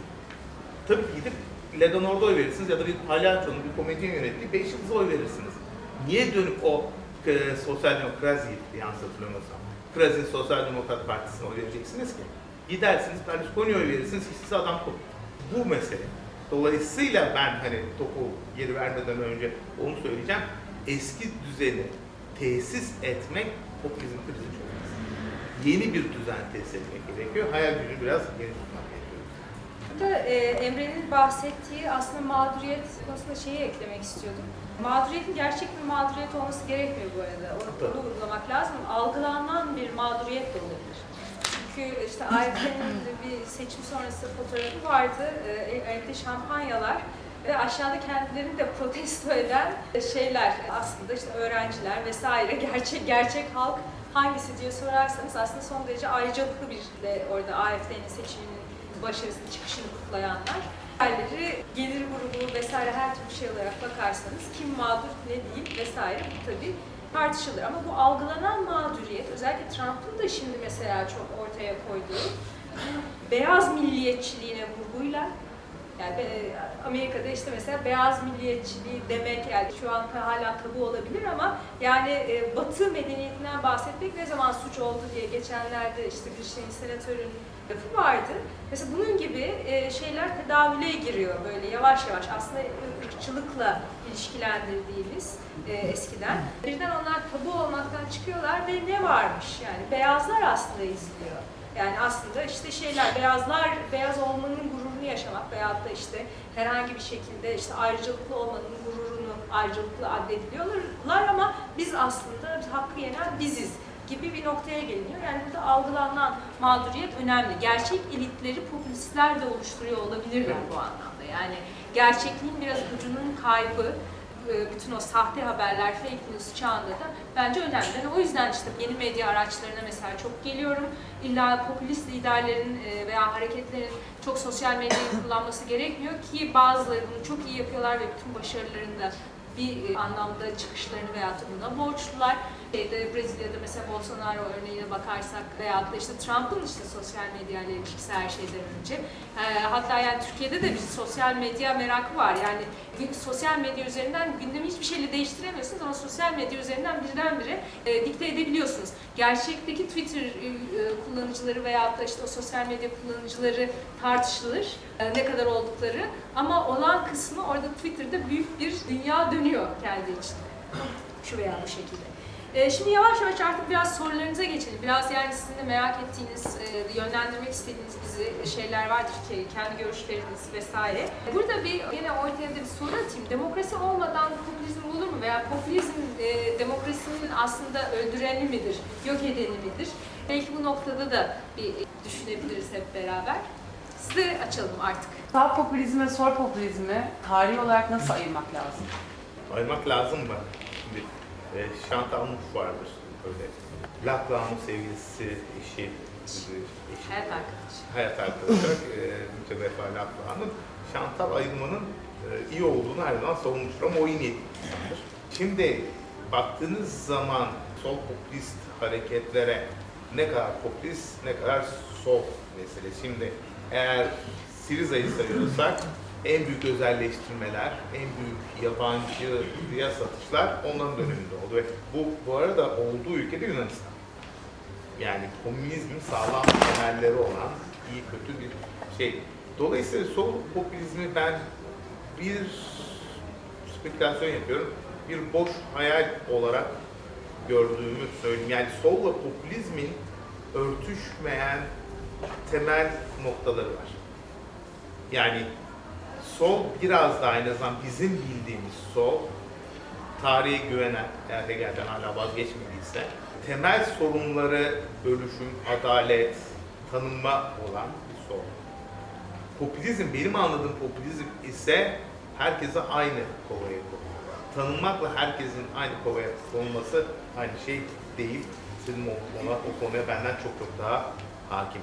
Yani herkes vatandaş yapmanız, herkese eşit kılmanız. Ve popülizmde biraz önce sizin bahsettiği tekçilik derken herkesi aynı kılıyor. Herkesin farklılıkları kabul etmiyor çünkü çok basit bir şeyden bahsedeyim. Monizm dediğimiz, tekçilik dediğimiz şey tek bir gerçeğe inanır, tek bir gerçeğe varlığına inanır. O gerçeği inkar etme şansınız yok. Sizin farklılıklarınız da inkar ve sonuçta işte biraz daha daldığımız zaman popülist hareketlerin eninde sonunda bir ideal tipoloji yarattı. Bu beyaz olabilir, erkek olabilir vesaire vesaire bir ideal tip yarattığını görüyoruz. Şimdi sol popülizm dediğim zaman benim anladığım sol bu açılardan popülist olamıyor ama sol diskuru taklit eden popülizm olabilir mi? Açıkçası hani bir yerde sahiciliğini kaybedebilir. Bu da hemen sözü devredeceğim sizine. Bence sol popülist hareketleri en başarılı kılan unsurlardan biri sahiciliği. Sahiciliğinizi kaybedip sahiciliğin nemalanmasına yararlanamazsınız. Sol popülistleştiği zaman sahiciliğini yitirir, sahiciliğini yitirdiği zaman da başarılı olamaz gibi geliyor. Bana bu, bu benim spekülatif düşüncem, başıma bir şey gelmeyecekti. Şimdi e, tabii Chantal Mouffe ve Ernest Laclau bir dönemde benim hocam oldular ikisi beraber ve onların aslında tabii bir gündemle e, bütün bu popülizm tartışmalarının içindeydiler biraz da akademik yönün ötesinde. O da gerçekten de bunu bir harekete, dünyayı değiştirmek için harekete dökme. Yani işte e, bir popülizm aslında çağında yaşıyoruz. E, kaçınılmaz bir parçası bu demokrasinin ve dolayısıyla burada sağ gümbür gümbür gelirken popülizmiyle ve öldürücü bir anlamda yok edici popülizmiyle sol da popülist biçimde buna karşılık vermeli, halkı harekete geçirmeli, gerçek halkı. Şimdi burada yani kendileriyle de tabii tartışıyordum böyle bir adanmışlık veyahut da böyle bir siyasi projeyle aynı zamanda yöneliyor olmak akademik konulara evet bu da bir tabii ki tercihtir, olabilir. Ama orada işte acaba sol popülizm ya iyi popülizm, kötü popülizm. Orada bir ahlakçı tavır mı alıyorsunuz? Gibi bir durum var ki milliyetçilik tartışmalarında da aslında bu 2000'lerin başında ben bunu yaşamıştım. Çünkü o zaman da iyi milliyetçilik, kötü milliyetçilik durumları vardı. Kötü milliyetçilik işte Milošević gibi olursanız iyi milliyetçilik, vatanseverlik oluyordu. Ee, orada da bunları yaşamıştık. Yani tabii mesela orada şeyi vardır, eski makayesi İsrail'de vatanseverlik, patriotizm gibi mesela onu vurgulayan ama işte sınırların nerede bittiği, nerede başladığı biraz sorumluydu milliyetçilikte ve bence popülizm konusunda da sağ ve sol diye ayırmaya çalıştığınız zaman orada aslında aynı dinamiklerden bahsediyorsak ki ben gene e, baştaki tanıma dön tanımımıza dönelim. En azından yani tanımda e, genel olarak anlaşamıyoruz dedik ama kutuplaştırma to toplumu kamplara bir anlamda birbirine düşman kamplara bölme kültürel, politik vesaire olarak, ekonomik olarak olabilir. Bölme söz konusuysa burada işte sağ veya soldan değil aslında aynı şeyden bahsediyoruz. Ve yani bile başka ideolojilerin fikirlerini kullandığı için, kendi kabına döktüğü ve şekillendirdiği için biraz belki de bizim kafamızı karıştıran da o oluyor. Sol söylemleri kullanan popülizmden o zaman bahsetmiş oluyoruz. Burada nedir? Belki İşte tabii Venezuela örneği var. Bunu unutmayalım. Türkiye'de de e, Maduro yakın zamana kadar sol kesim tarafından hesapla, e, şey, sahiplenilirken şimdi tam tersi bir sağ kesimin konu olmaya doğru gidiyor vesaire ama ve, ve Venezuela'da aslında işte evet Chavez dönemi vesaire yani sol popülizm bir orada var mıydı? Yani bir tezde çünkü e, Mude'nin gene ileri sürdüğü aslında sol popülizm hiç olmadı gibi. Olursa üzerine konuşuyoruz gibi. Şimdi burada e, birazcık pozitif bakmaktan mı sola kaynaklanıyor bu da tartışılır ama şunu söyleyeyim. Solun eğer hak ve özgürlükler konusundaki gündemi varsa sol popülizm o zaman sağdan biraz farklı bir e, çizgide olabilir diye öngörebiliriz. Şöyle ki sağ popülizmde o düşmanlaştırma belki daha sınır tanımaz biçimde giderken sol popülizm daha bir hak ve özgürlükleri gündemine getirebilir. Siriza'dan örnek vereyim. Mesela Siriza işte evet özelleştirmeler vesaire her konuda çok sağcıdan sağcı davrandı vesaire ama hak ve özgürlükler konusunda mesela işte şey LGBT hakları e, hatta işte eşcinsel evliliğin bir anlamda e, medeni beraberliğin kanun önünde önünü açmak ki Yunanistan için çok büyük bir tabu. Vatandaşlık hakları verilmesi göçmenlerin çocuklarına. Bu da büyük tabu. Yunanlılık orada şey olmuş oluyor bir anlamda sulandırılmış oluyor vesaire. Bütün bunlar konusunda da adım attı. Ama şunu da e, dikkatini çekeyim. Siriza popülist hareket olmaktan merkez hareket olmaya da bayağı bir evrildi denebilir. Yani değerli entelektüel Ali Bayramoğlu'nun bir açıklaması vardı. Şöyle diyordu. Otoriter popülist rejimlerin var olma süresi uzadıkça içinde doğduğu nesil sayısı artar. Bu da daha fazla kutuplaşma ve iktidarın ömrünün daha da uzamasını getirir diye bir açıklama yaptı. Siz bunu böyle olduğunu düşünüyor musunuz? Yani e, nesille popülizmin doğru orantılı olduğunu düşünüyor musunuz? Bir de e, Türkiye'de bu popülizmin son dönemde ayyuka çıkmasının sebebi yani başkanlık sistemi mi bu, bunu mümkün kıldı? Daha çok başkanlık sistemiyle beraber mi bu mümkün hale geldi? Bir de sizin Hanım'a bir sorun olacak. Size de popülizm bir nevi neopatrimonyalizm diyebilir miyiz? Yani gücün merkezileşmesi, işte sadakatin ön plana çıkması ve daha yani iktidarın, devletin bütün kaynaklarını kullanılması, eşit şartlarda olmayan bir seçimin olması bunu bir neopatrimonyalizm olarak değerlendirebilir miyiz? Teşekkür ederim. Ben aslında ilk soruya bir şey yapayım. Ee, diyeyim. Belki soruları değişebiliriz yani senin ne istiyorsan. Ee, şimdi e, Harvard Üniversitesi'nden ve işte e, popülizmi çalışan ve metodolojisi tabii ki bu konuda en sağlam insanlardan, akademisyenlerden diyelim.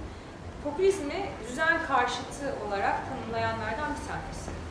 Ve bu anti-establishment, yani düzen karşıtlığı, popülizmin, yani kere seçkinler varsa, yoz elitler varsa, dış mihraklar veya iç, iç mihraklar varsa, yani bununla karşı savaştığınızda veya mücadele ettiğinizde neyse politika bir mücadele alanı olarak görüldüğü için orada yani bir düzen varsa o zaman kendi kurduğunuz bir düzense bu, ona nasıl muhalefet edebilirsiniz gibi bence bir e, soru işareti var. O yüzden popülizm iktidarda olabilir ama ne kadar iktidarda kalabilir? Çünkü meydan okuyacağı kalmazsa, bütün alanı ele geçirirse, e, kültürel he, hegemonyadan tutun işte şeye kadar, siyasete kadar, işte ekonomiye kadar vesaire vesaire.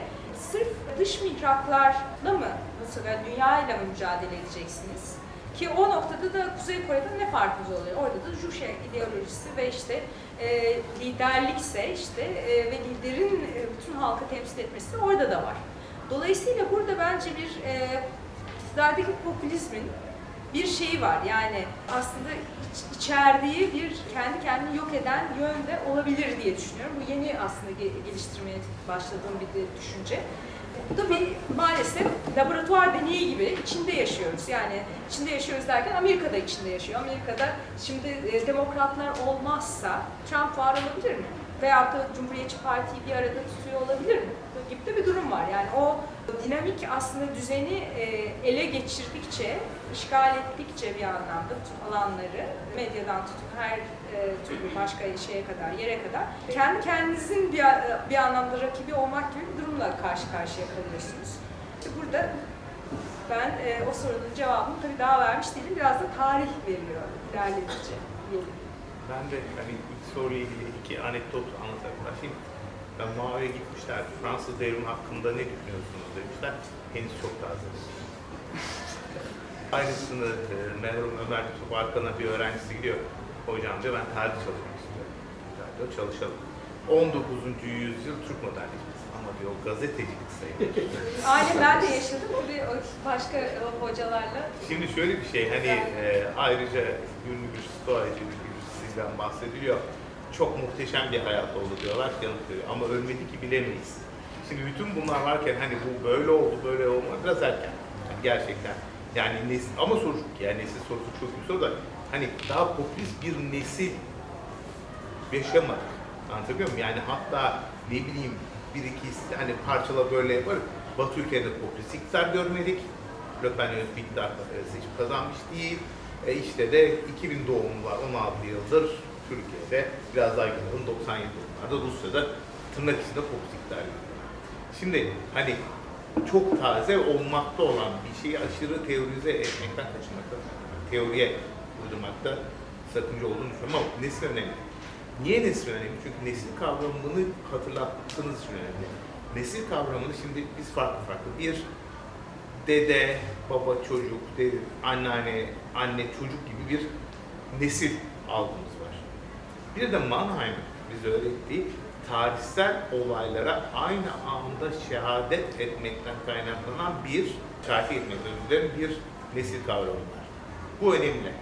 Nasıl bir nesil var elimizde? Hangi tarihsel olaylara şahitlik etti? Hangi tarihsel olaylar onları biçimledi? Burada hep şunu söylüyoruz, totolojik olarak bir popülist zeitgeist var, popülist iklim var. O iklimde de doğup büyümüş insanlar var. O zaman bir popülist jenerasyon olabilir mi? Soru işareti. Yani bu soru işareti oluyor ama burada hemen dipnotu tekrarlayayım. Ben bireylerin popülist olacağını inanmadığım için ancak cümleyi şöyle revize edebilirim. Popülist iktidarları kolaylaştırabilecek bazı özelliklere sahip nesiller olur. Bunu sorarsan da evet yanıt var. Anomik denen bir kavram var. 19. yüzyıldan kavram, Durkheim'ın kavramı. Onun ızdırabını çeken arkadaşlarımız bu salonda mevcut. Bir ders boyunca Durkheim. E, hatta farklı dönemlerde farklı şeylerden Durkheim anlatıyor. Anomi şu. E, eskiden Acun'un bir oyunu vardı. Hatırlıyor musunuz? Kutu açıyordunuz. Evet. Hatırlayan var mı? Yaşıpan Singles. var mı? Evet. O oyun nasıl kazanılıyor bilen var mı? Kutuları açıyorsunuz. Kutular Evet. açıyorsunuz ama nasıl yani şeydi böyle bazı oyunları mesela bir başka yarışma var seyrettim. Soruları doğru bilince kazanıyorsunuz. Güzel. Başka bir şey var. İnsanları suya düşünce kazanıyorsunuz. İşte top çizgiyi geçince kazanıyorsunuz. O oyun nasıl kazanılıyor? Bilmiyorsunuz. Şimdi öyle bir yola çıktığınızı düşünün ki hayatta nasıl mutlu, başarılı, mesut olacağınızı bilmiyorsunuz. Bunun şifrelerini kimse size söylemiyor. İşin kötüsü değişiyor. Yine oyun e, topolojisinden başlayalım. Siz kalede duruyorsunuz, ayağınızla topa vuruyorsunuz, out atışı kullanıyorsunuz. Adamın teki eline top alıyor, sekmeye başlıyor. Ne- Hiç futbol oynamıyor mu? Erol'un basketbol oynuyor. Böyle bir hayattasınız. O zaman inancınız kayboluyor. İşte bu anım meselesi önemli çünkü oraya geleceğim. Arkadaşlar belki hatırlarlar. 2008 yılında yaptığımız bir çalışma Türkiye'de gençlerin yüzde 60'ının yüksek anomi düzeyine sahip olduğunu göstermişti. Bunun anlamı ne biliyor musunuz? Biz 2008'de o zaman genç dediğimiz 18-27 idi. 10 sene geçti. 28-37 yaşındaki insanlar eğer değişmedilerse trafikte önünüze arabayı kırmaktan çekinmez, emniyet şeridini kullanmakta beis görmez, ruhsatsız bina yapar, ekmek sırasına kaynar, anlatabiliyor muyum? Sınıf, sınavda kopya çeker, böyle kötü şeyler yaparlar. Bu tür insanlar olma olasılığı var, yüzde 60 olasılık. Düşünüyor musunuz? İşte bu önemli nesil meselesi. O yüzden önemli olduğunu düşünüyorum. Ama hani işte bu hep yapı, aktör falan gibi tartışmalara gireceğiz. Bir iktidarın kendi neslini üretmesi mümkün mü sorusu bence çok kolay değil. Çünkü ben hasbelkaderci bu nesil çalışmalarına dahil olmuş insanlar konusunda o kadar çok faktör biliniyor ki yani. Yani küresel faktörler var, mikro faktörler var vesaire vesaire. Bütün faktörler var. Yani çok uzatmayayım ama nesil kavramının ve ne kadar önemli olduğunu söyleyeyim. 68'i mümkün kılan şeylerden biri Türkiye'de üniversitelerin kapasitesinin artması. 10 sene önce yapılan şey. Anlatabiliyor muyum? Bu bunu tetikliyor. Vesaire vesaire. Dolayısıyla nesil doğurmaz ama bu tür rejimlere aşılan nesiller olabilir. Açıdan düşünmek lazım. Başkan bunu yapar. İşte biz sizinle ilk makaleyi 2004'te diyelim değil mi Post'ta? Mantık işte. 2014'te yayınladık. Orada şeydi yani kazanan popülizmdi. Yanlış mı hatırlıyorum? Aradan 5-4 sene geçti. İşte başka bir makale daha yazdık bir ekip olarak. Haziran seçimi kazanı popülizm. Başkanlık seçimi yaptığınız sürece popülizm kazanır. Bunun da örneğini vereyim. Sizin de doğrulayacaktır. Ben Fransa siyaseti aşinayım bir şekilde. Fransız siyasi partilerini sayarım. Yani sayarım da yarım yamalak sayarım ama Gaullist bir parti vardı onu biliyorum. Arkadan Giscard diyen bir parti geldi. Onda Chiracien bir parti takip etti. Sonra bir Sarkozyist parti var. Bir parti sosyalist var. Onun da e, birinci François yönetiyordu zaten. Anlatabiliyor muyum? Şu anda bir adam var. Partisinin ismini yarım yamalak. Başkanlık seçimleri zaten aracı kurumları yok. Başkan halktan alır onayı. Dipnot olarak söyleyeceğim konuyu kapatacağım. Şimdi Atanlık bir yazı yayınladı bu sarı yelekliler konusu. O da çok umutluydu.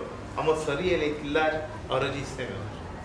Aracı hiçbir kurum istemiyor. Ne sendika istiyorlar, ne parlamenter istiyorlar, ne fikir lideri istemiyorlar. Aracı kurumları istemeyen bir halktan bahsediyorsak onun karşısına çıkan bir lider de olur diye düşünüyorum. Başkanlık sistemleri popülizmi çoğaltır. Ki bence son muhteşemdi son başkanlık seçimimiz. Literatüre geçecek popülist hareketler gördük. Kılık tutmasına fayda var. Sesin Hanım'a olacak sorum. Sizin yazılarınızı 2008-2009 dönemlerinde köşe yazılarınızı takip ediyordum ortadan. Oradan yola çıkarak Macaristan özelinde Viktor Orban'ı hani ilgilenen bir siyasi kariyerine liberal bir politikacı olarak başlamıştı.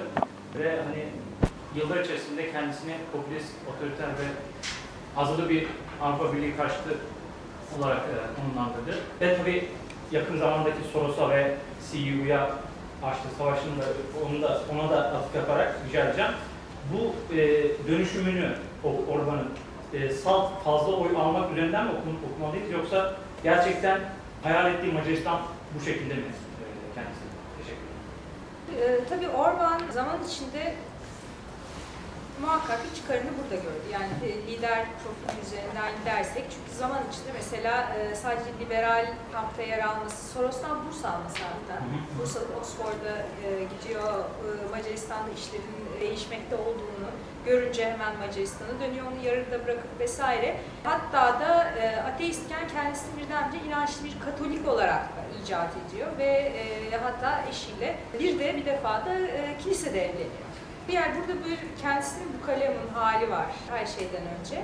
Ama e, Orban'ın enteresan bir de gerçekten hani bu işin ideolojisini çizen, yapan biri varsa lider olarak o. Yani çok e, net onun, onun bir şey e, liberalizme karşı e, yani liberal demokrasilere karşı yani liberal demokrasilerin zamanı bitti diyordu.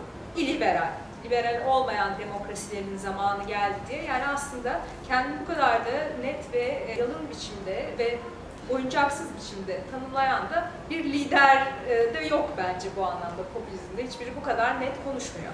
Yani ne olduğunu ortaya koyuyor çünkü.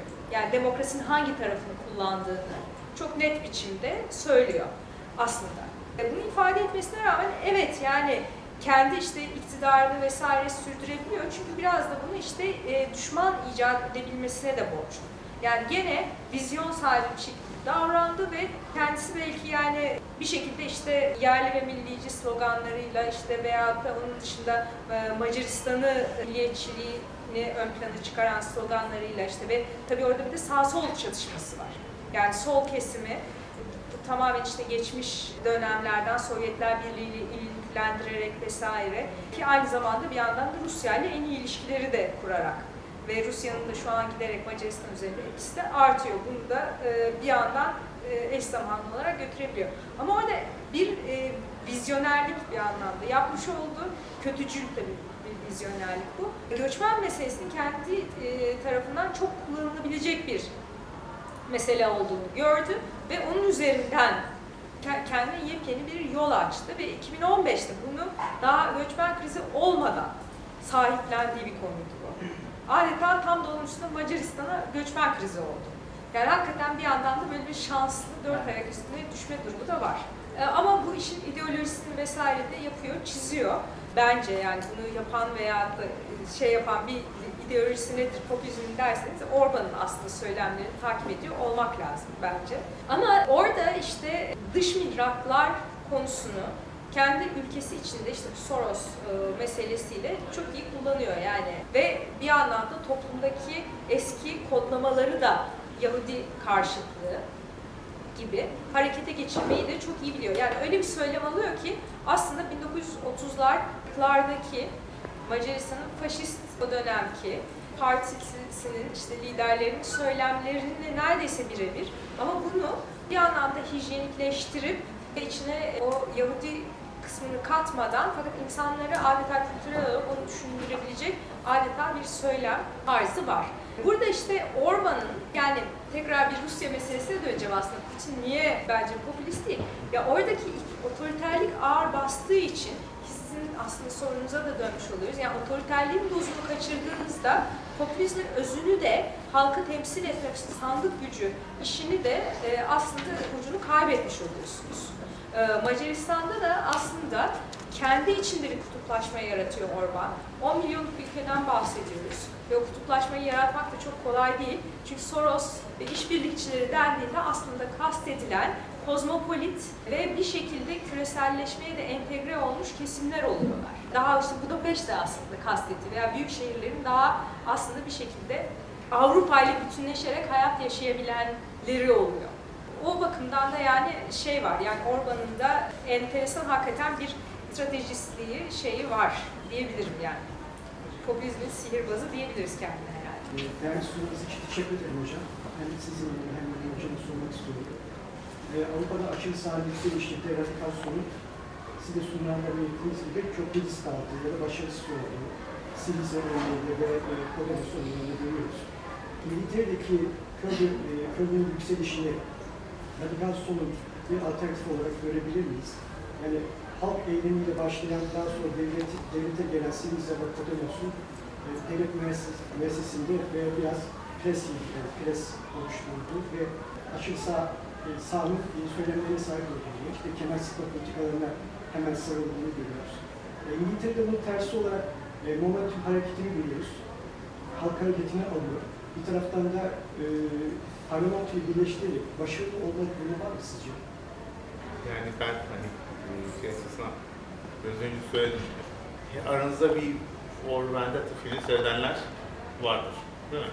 Oradaki çözüme inandığından çok ziyade İngiliz var. İngiliz demokrasisine bir çözüm ulaştırmanın yöntemi belki de Westminster'ı bir şekilde hava uçurmak olabilir içindekilerle beraber. Yani, tartışmalarından sonra böyle düşünen çok vardı. Yani net olarak çünkü şöyle bir şey, yani hani oradaki oynanan hani şeyi düşünün, e, Blair'den sonra özellikle liderlik yapanları düşünün. Oradaki siyaset tarzını düşünün. Oradaki medya yani İngiltere medyası harbinden oluşmuyor. Başka gazeteler de var orada. Bizim tanıdık olduğumuz. Dolayısıyla oradaki demokrasi ne kadar demokrasi? Yani bir kere şöyle bir şey söyleyeyim, karşılaştırmalı siyaset açısından uyguladıkları seçim sistemi demokrasinin dibine kibrit sürdürgeci bir seçim sistemi. Yani öyle e, birinci kazanır seçim sistemi iki turlu bile değil. Yüzde 21 alın, yüzde geri kalanı yüzde 20 temizleyip seçiliyorsun. Geri kalan yüzde 79 parlamentoda. 2. Buna rağmen koalisyon üretmeyi başarmış bir ülkeden bahsediyoruz. Ayrışma eğilim çok fazla. İskoçya petrolü sayesinde vesaire vesaire. Ha burada e, parlamento yeniden güçlendirecek bir şeyin başarısı ya olmaz ya çok kısa vadeli olur. Yani o anda bir dengeyi koruyormuş gibi yapar çünkü parlamentonun dışında bir çözüm olması gerekiyor. Parlamentonun dışında bir çözümle onu çöz, bu krizden çıkmaları gerekiyor. Ve zaten e, şöyle bir şey, sesini devletten önce yine karşılaşma siyaset açısından bir parlamenter demokrasinin referandum yapması kadar absürt bir şey olmaz. Referandum ve parlamenter demokrasiler birbirlerini dışlayan mekanizmalardır. Ve bunun mesela örneği Türkiye'den yaşıyoruz. Parlamenter sistemdeyseniz karar verirsiniz. Çünkü parlamentoda uzlaşırsınız. Uzlaşmak zorundasınız bulun 276'yı düşürün, bir, bulun 225'i düşürün, bulun 300'ü düşürün de, demek zorundasınız. Ne oluyor? 51 49. Bitti. %49 kaybı. Bu kadar kayıp yaratmaz parlamenter sistem ama siz sağ elinizde parlamenter sistem, sol elinizde referandum ya da referandum benzeri seçimlere bir adım daha gideyim. Onu da söylemek ihtiyacı duyuyorum. Berlin'de eski Gestapo merkezinin olduğu bir bina vardı. Yapmışlar, müze yapmışlar. Müzenin duvarında şu yazıyor. Ben ikinci gidişimde fark ettim onu. Faşist rejimlerin en büyük özelliği her gün referandum yapmak. Sandığa geçmene gerek yok. Her gün taraf olacaksınız. Her gün bir konuda fazla sayıda eğilmedi. Açtı kapattı. Her gün referanduma gidiyorsanız bir yerden sonra zaten o ötekisiyle uzlaşma şansınız kaldı. Dolayısıyla oyunu bir kere bozmuş durumdasınız. Bir kere yüzde 49.8 kaybetti. Tamam? O 49.8 kaybetmiştir. O kaybın giderilmesi parlamenter sistemde mümkün olmaz. Çünkü Dolayısıyla hani Corbyn olası olsa gazı alabilir. Niye olmasın? Hani dediğim gibi İngiltere biraz daha kurumsallaşmış bir demokrasidir. İyi kötü burada olabilir. Ama ben parlamenter sistemin yeniden eskisi gibi olduğu gibi yani 1990'lara bakarsanız İngiliz parlamenter sistemin ne kadar çürümüş olduğuna dair sayısız anekdot bulabilirsiniz. Çok küçük bir örnek vereyim. Firmalar piyasa araştırması yapacaklarına 10 bin dolar, atıp- 10 bin pound atıyorlarmış milletvekiline soru önergesi veriyor. Soru önergesini yanıtlamak zorunda. Piyasa araştırması 10 bin euroya pound'a size geliyor. Anlatabiliyor? Bu kadar yozlaşmış bir sistemden bahsediyoruz.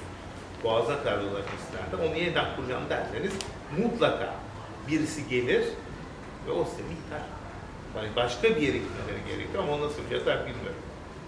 Ya burada aslında çok iç içe geçmiş bir sürü sorundan bahsediyoruz. Ya popülizmin birazcık da e, tartışmaların özelliği bu hakikaten. Yani bir anda işte Avrupa Birliği'nin kendi sorunları var ulusal olarak ve işte si- siyasi yarattığı hayal kırıklıkları çözdüğü sorunlar çözemedikleri vesaire açısından İngiltere'nin kendine özgü çok konusu var. Onun ötesinde bütün bu işte ekonomik durumları vesaire dağıtım gelir adaleti vesaire bütün o konulara girebilirsiniz. Yani bütün bunların oluşturduğu bir tabloda Corbyn neyi değiştirebilir, neyi değiştiremez vesaire. Mesela yani Corbyn'den sürekli aşırı sol, e, radikal sol gibi bahsediliyor. Çünkü ama Bloomberg gibi kaynaklardan vesaire de bahsediyorum. Yani iş çevrelerinin işleyişini çok değiştirebilecek iktidara gelse bir lider e, olacağı için. Ama bu noktada işte bizim mesela tartışmamızla bağlantısı Corbyn'in ve bütün Brexit durumunun vesaire aslında şu. Bir şekilde popülizmin e, bir adeta küresel ısınma gibi yani küresel ısınma nasıl etki ediyorsa çevresel sorunlar vesaireleri popülizm ikliminde işlemeye çalışıyor e, İngiltere demokrasisi ve parlamenter demokrasisi. Ya yani orada ne e, Theresa May e, ne Jeremy Corbyn çıkıp da işte düşman dış mihraklar veyahut da işte gerçi Boris Johnson biraz ona yeltendi vesaire ama veyahut da düşman İngilizler gibi bir şey değil. Yani orada e, toplumu iki e, şeye bölüyor, ulaşmış birbiriyle, birbirini düşman gören taraflara bölüyor değil. Ama orada İngiliz demokrasisi de adeta buna kendini adapte edip o işte Brexit tamamen aslında bir popülist dalganın sonucuydu. Adeta bir e, hava dalgası gibi geldi, İngiltere'yi etkisi altına aldı ve tabii referandumlar aslında son derece gayri demokratik şeyler çünkü anlık bir fotoğraf çekiyorlar. Yani o anda o psikoloji, halkın işte şeyi, e, ruh hali, yönlendirilmesi vesaire, algı operasyonu diye şey söylenen şeyler illa çok kurulu biçimde yapılması gerekmiyor ama o an siz bir şeye yönleniyorsunuz. Bu evet veya hayır gibi çok net bir şey söylemeniz gerekiyor ama gerçek tabii ki her zaman o evet ve hayırın yansıtabileceğinden çok daha karmaşık. Kamu vicdanı var.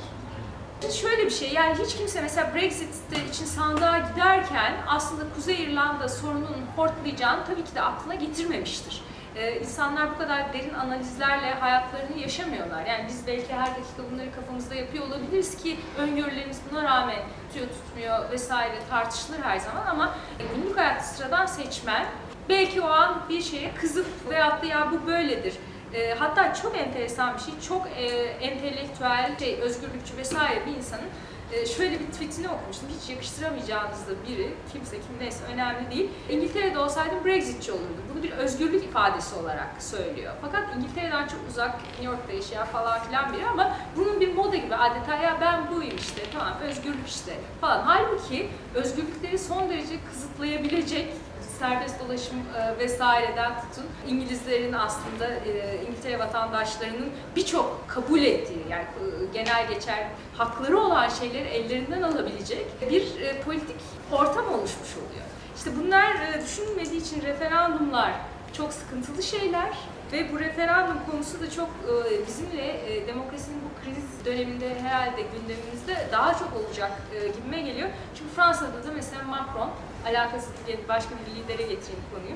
Fransız halkına hitaben yazdığı mektupta mesela Fransız devriminde aslında kullanılmış olan, tabii onu öyle değil de aslında gerçekte öyle olan konsültasyon, ulusal konsültasyon mekanizmalarını çalıştıracağından bahsediyordu. Ki burada Orban'a dönelim. Yani Orban hakikaten vizyoner diyoruz, vizyoner bir yanı var. O ulusal konsültasyon yapıp duruyor. Mesela Macaristan'da evlere şeyler, anketler uzun uzun detaylı postalanıyor. Mesela öyle sorular soruluyor ki yani e, klasik bir sandık kurup referandum değil, siz halk olarak fikriniz alınmış oluyor. Aile kurumu önemli midir gibi sorularla karşılaşıyorsunuz mesela ki cevap tabii ki de evet çıkıyor insanlar ya da aile değerli midir gibi sorularla karşılaştıklarında. Ben şey diyecektim, bu e, küreselleşmenin, küreselleşme politikalarını, neoliberal politikalar, bunların bir başarısız bir sonucu olarak da okuyabilir miyiz acaba dedim. Çünkü e, Trump'ın özellikle geçen e, en son e, Birleşmiş Milletler şeyindeki konuşmasında özellikle ekonomik argümanlar, tabii o metni vesaire kim yazmış bilmiyorum, kendisinin yapabileceği e, şeyden çok daha komplike bir konuşmayı düşünüyorum. Yani konuşmasına şöyle başlıyor zaten. Küreselleşme Trump'ın chief e, stratejisti. O da bu popülizm kendi davasını anlatmaya başlarken 2008 yılından alır. Onu bir mihenk taşı olarak görüp hani 2008'deki o borç krizinden sonra her şey değişti. E, artan eşitsizlik, neoliberal politikalar, küreselleşme politikaları bu açıdan yani bir iflasının küreselleşmenin bir iflası gibi ya da bir parantez açılan, küreselleşmede açılan bir parantez gibi okuyabiliriz. Burada zaten uzatacak tarzda kapsamımızı yaptık. Bu küreselleşmenin popülizmin doğurduğu konusundaki nedensel ilişkileri benim sıkıntılı. Nedeni resmi çok iyi göremiyorum. Yani e, Pippa Norris örneğini verdim size. Pippa Norris ve Engelhardt benim de hasbelkader feyz aldığım Engelhardt'ın bir kitabı var vesaire. Tamam her şey kabul edilmiyor ama kitaplarında MHP'yi Milliyetçi Hareket Partisi'nin popülist parti olarak Ve AK Parti tanımlar. Gidip haritaya baktığınız zaman görüyorsunuz. Şimdi analitik olarak sıkıntı. Yani içinde yaşadığım ülkede geçersiz olan bir teorileri var. Şimdi 2008'de haklı. Olay 2008'de. Küreselleşme neyi getirdi? Finansallaşmayı getirdi. Finansallaşma bu absürt balonları getirdi. O balonlar patladı ve benim bildiğim kadarıyla birkaç ay içerisindeki bankacılık sektörü yarattığı bütün katma değeri varoluşundan itibaren yarattığı bütün katma değeri havaya uçurdu. Sıfırladı. İnsanlar aç kaldı, işsiz kaldı, işte teknik olarak anlatılır başlarına neler geldi ve bu salgın olarak. 2008 yılında bu oldu ve bu bir başkanın seçilmesini sağladı. Obama. Obama ne yaptı? bunların müsebbipleri arasında hapse girmiş, cezalandırılmış bir kişi var. Utanç verici şekilde sergilenmiş bir kimse var mı? Afiş edilmiş. Utandırılmış. Bankalar işlerine devam ediyor, borsacılar devam ediyor vesaire vesaire. Ve Obama o dalgaya binerek geldiyse dahi bunu uğraşmadı. Ne yaptı? Dönüp bunun bir zararını giderdi mi?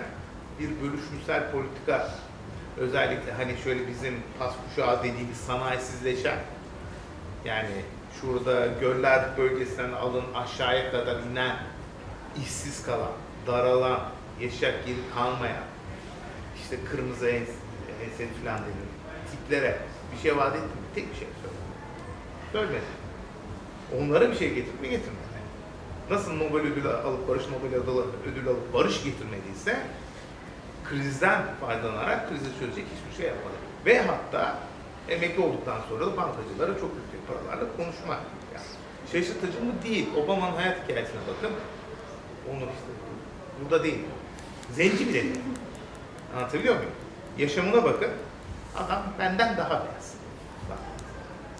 Ne yaptı? Kimlik siyaseti. Ne yaptı? İçi boş bir, yani hiçbir siyah Amerikalının ya da Hispanik Amerikanın sorunu çözmeyecek bir kimlikçilik yaparak seçim kazandı Parti iktidar. Bir hayatlarını hiçbir şey değiştirmedi. Sonra 2016 seçimine baktığımız zaman Clinton gelip bu insanlara ne söyledi? Hiçbir şey söylemedi. Peki Clinton neden kaybetti biliyor musunuz? Bu insanlar sandığa gitmek için kaybetti. Hispanikler ve Afrikan Amerikalılar gitmediği için. Çünkü demokratlar iktidarda bulundukları süre boyunca bu insanların sorunlarıyla ilgilenmediler. Kimlik siyaseti yaptılar. Sadece kimliğe dayanarak, sadece siyah olmak, sadece kadın olmak, sadece vesaire vesaire insanlardan oy alacaklarını zannettiler. 11 milyon kadar oy kaybetti. Baktığınız zaman. Bir önceki. Şeyin oyu aynı. Romney ile Trump'ın oyu hemen hemen aynı. Clinton'ın 11 milyon kadar hem de bu kesimlerden oy kaybı var. Çünkü bu insanlara heyecan verecek bir şey söylemedi. Dolayısıyla hani küresel krizin tabii ki etkisi var popülist hareketler ama ben şöyle diyorum eğer küresel krize doğru yanıt verilseydi ki Avrupa'da da Merkez Bankası, Alman Merkez Bankası bilmem Euro'yu gevşetseydi popülist hareket olur bilmiyorum. Öyle bir birlik düşünün ki öyle bir birlik düşünün ki 200 milyar euro ticaret fazlası veren bir üyesi olsun ve işsizliğin %35 olduğu başka üyeler olsun. Nasıl aile? Nasıl birlik? Kimin çıkarı? Anlatayım Alman ekonomisi gıcırında. İspanya ekonomisi batık, İtalyan ekonomisi batık. Bütün güney ekonomileri kafa üstü gitmiş durumda. Sürünüyorlar. Fransa'nın yarısı sürünüyor. Sebep çok basit yani 1930'dan beri bilinen bir şey ve bence en azından demokratlar bir kısmen becerarak krizle karşılaşıyorsanız helikopterle para dağıtacaksınız aşağıya. Başka bir şey yok. 2008'de Türkiye öyle atlattı. Parasal gelişmeyi atlattı. Daha sonra başarısızla dönüşmüş olabilir. Ama 2008'den bugüne Almanya'nın lehine ve ailenin diğer üyelerin aleyhine sıkı para politikası uyguluyorsanız sorumsuz sizsiniz. Mesele burada. Anlatabiliyor muyum? Yani mesele küreselleşmenin yarattığı kriz değil benim aklımda. Küreselleşmenin yarattığı krizle mücadelede başarısız olan politikacılar yapıyor. Burada çok uzak geçmiyor ama bir şey açmak istiyorum biraz önce sizin bir de burada duyguları geri getirmemiz gerekiyor siyasete. Yani siyaset bilimi öğrencileri bilir, duygular diskakadır. Duygularınızla hareket etmeyin, duygularınızla karar vermeyin derler. Oysa benim öğrencilerim bilirler ki duygular olmadan karar vermezsiniz. Duygulara ihtiyacınız var. Siyaset duygularla yapılan bir şey. İşte buradaki duygu öfke. Sarı ceketleri sokağa döken şey öfke. Öfkeyi ne zaman hissedersiniz? Haksızlığa uğradığınızda yaparsınız. Öfkeye dayanan bir şey. Bir ikinci duygu korku. Tehditle karşılaştığınız zaman korku. Korku ve öfke duyduğunuz zaman da bilişsel kapasiteniz azalır. Bilişsel enerjinizi varoluşa çekersiniz. Komplike meselelerle de uğraşmazsınız. Dolayısıyla korku iklimi varken, öfke iklimi varken insanlara çok sofistike çözümler önermenin bir faydası olmaz. Meksikalılar Amerika'ya geliyorlar çünkü NAFTA denen bir şey var. Bildiğimiz bütün ticaret anlaşmaları gösterir ki bir yerde ücretler yüksek, bir yerde ücretler düşük düzey. Ya mallar oraya gider ya insanlar buraya gelir. İşte size ekonomik teorisi. İşte bu ekonomik teoriyi sabahtan akşama kadar Pennsylvania'daki barda anlatamazsınız bunun iki ülkenin yaşam standartlarının birbirine yaklaşması lazım ki bu akışkanlığın durması lazım. Vesaire vesaire. Bunu anlamaz insanlar. Niye şu anda varoluşuna önem veriyor? Ne diyeceksiniz? İşte sizinle buraya gelmeden önce onu söylüyorsun. Duvar yapacağım gelmeyecekler. Basit. Sur şeyler, mülteciler geliyor. Duvar yap gelmesinler. Bitti. Şimdi Suriyeliler. Son bir soruyla kapatacağım. Ondan sonra sözü almayacağım. Öyle bir ülke düşünün ki 70 milyon, 80 milyon nüfus var. Bunun içerisinde de 3 milyon başka ülke nüfusuna kayıtlı ve statüs mülteci olarak tanımlanmamış vatandaş yaşıyor. İnsan yaşıyor. Bu insanların geçiminden bu ülkenin kaynakları sorumlu. Bu ülkedeki insanlar, üstelik çok da iyi bir yaşamları da yok. Ya kendileri harcamıyorlar ya da onlar harcanabilecek para bu şeylere gidiyor, bu insanlara gidiyor. Ve bu ülke hoşgörüsüyle misafirperverle tanınan bir ülkede değil. Baktığınız zaman ülkede mülteci sayısı yokken, nüfusun sadece yüzde iki buçuk, o da Bulgaristan, Yugoslavya vesaireden gelmiş iken standart olarak xenofobide ya da yabancı sevmezlikte Avrupa rekoru kıran bir ülkeden bahsediyorsunuz. Bu ülkede 3,5 milyon yabancı var. Puzzle şu, bu 3,5 milyon kişiyi geri kalan halka popülist olmadan satmanın bir yolunu biliyorsanız buyurun. Bir de bu şekilde düşünmekte fayda var. Yani popülist siyaset, hatırlıyor muyum? Bazen mış gibi yaparak ve siyasetsizleştirerek sorunların göz ardı edilmesini de sağlıyor diyorum. O yüzden de bunu da düşünmemiz gerekiyor. Son not, 1969 yanlış hatırlamıyorsam sizin düzeltip bunlar bir şey yapıyorlar, popülizm konferansı düzenliyorlar ve 67'de ve sonuç olarak da şey diyorlar, popülizm tanımında anlaşamadık diyorlar. Orada aslında popülizm tanımı yapan ve kendisinden çok önemli, emin olan bir insan var. Kahneman. Geçen sene kaybettim Margaret Kahneman zaten bunları 1980'lerde söylemiş durumda İngiltere'de. Seviyordum. ya yani bir şey gibi adeta treasure hunt şey gibi hazine avı olarak görüyordu ve bu işte çok alana yayılmasını da popülizmin ve çok alanı işgal etmesini de bir anlamda e, enteresan buluyor. E, şeyi bu. Ben onu da metinlere dönerseniz bence gayet yanıtabilirim değil. Son sözü. Devredeyim. Tamam ben artık uzatmayayım. Sadece şeyi bırakayım. E, e, Emre şeyi söyledi. Bir e, ülkede hani popülist olmadan bunu satmanın yolunu bilmiyorum diye. Ya bir popülist partide veya söylemde hareket çıkarsa ve tam da bunu konu edip bunu bir popülizm üzerinden mesele yapmaya başlarsa. Yapar. Bunu ustaca Bunu yaparsa yapar. ne olur? Sadece yapamıyor. Peki ya, herhalde. ya, ya daha henüz yapan yok. Yok, yapan var. olduğunda Ama iyi yapamıyor herhalde. bilemiyorum. Neyse şimdi bu soruyu e, kapatayım. Ama şey var yani son söz şunu söyleyeyim. Popülizmin şöyle bir yanı var. Yani bu çağa özgü benim çok görmemin sebebi de o. Bir hap al, zayıfla. İşte bir şey al, yine yaptır, güzelleş, gençleş gibi böyle çok çabuk sorunları çözmeye e, bir arzu var ya bu çağımızda yani. Anında ünlü oluyorsunuz, anında e, rezil oluyorsunuz, şöhretinizi kaybediyorsunuz. Çok hızlı olabiliyor bir takım şeyler. Ve popülizm de çok hızlı cevaplar öneriyor. Yani derin politikalar, projeler vesaire değil. Yap, duvarı gitsin. Bitsin. Kış bütün değil. sorunların çözülüyor ama yani o zaman her şey göçmen sorunu değil. Yani bütün her şeyinizi çözmüş oluyorsunuz. Teşekkür Nasıl? Çok teşekkür ederim.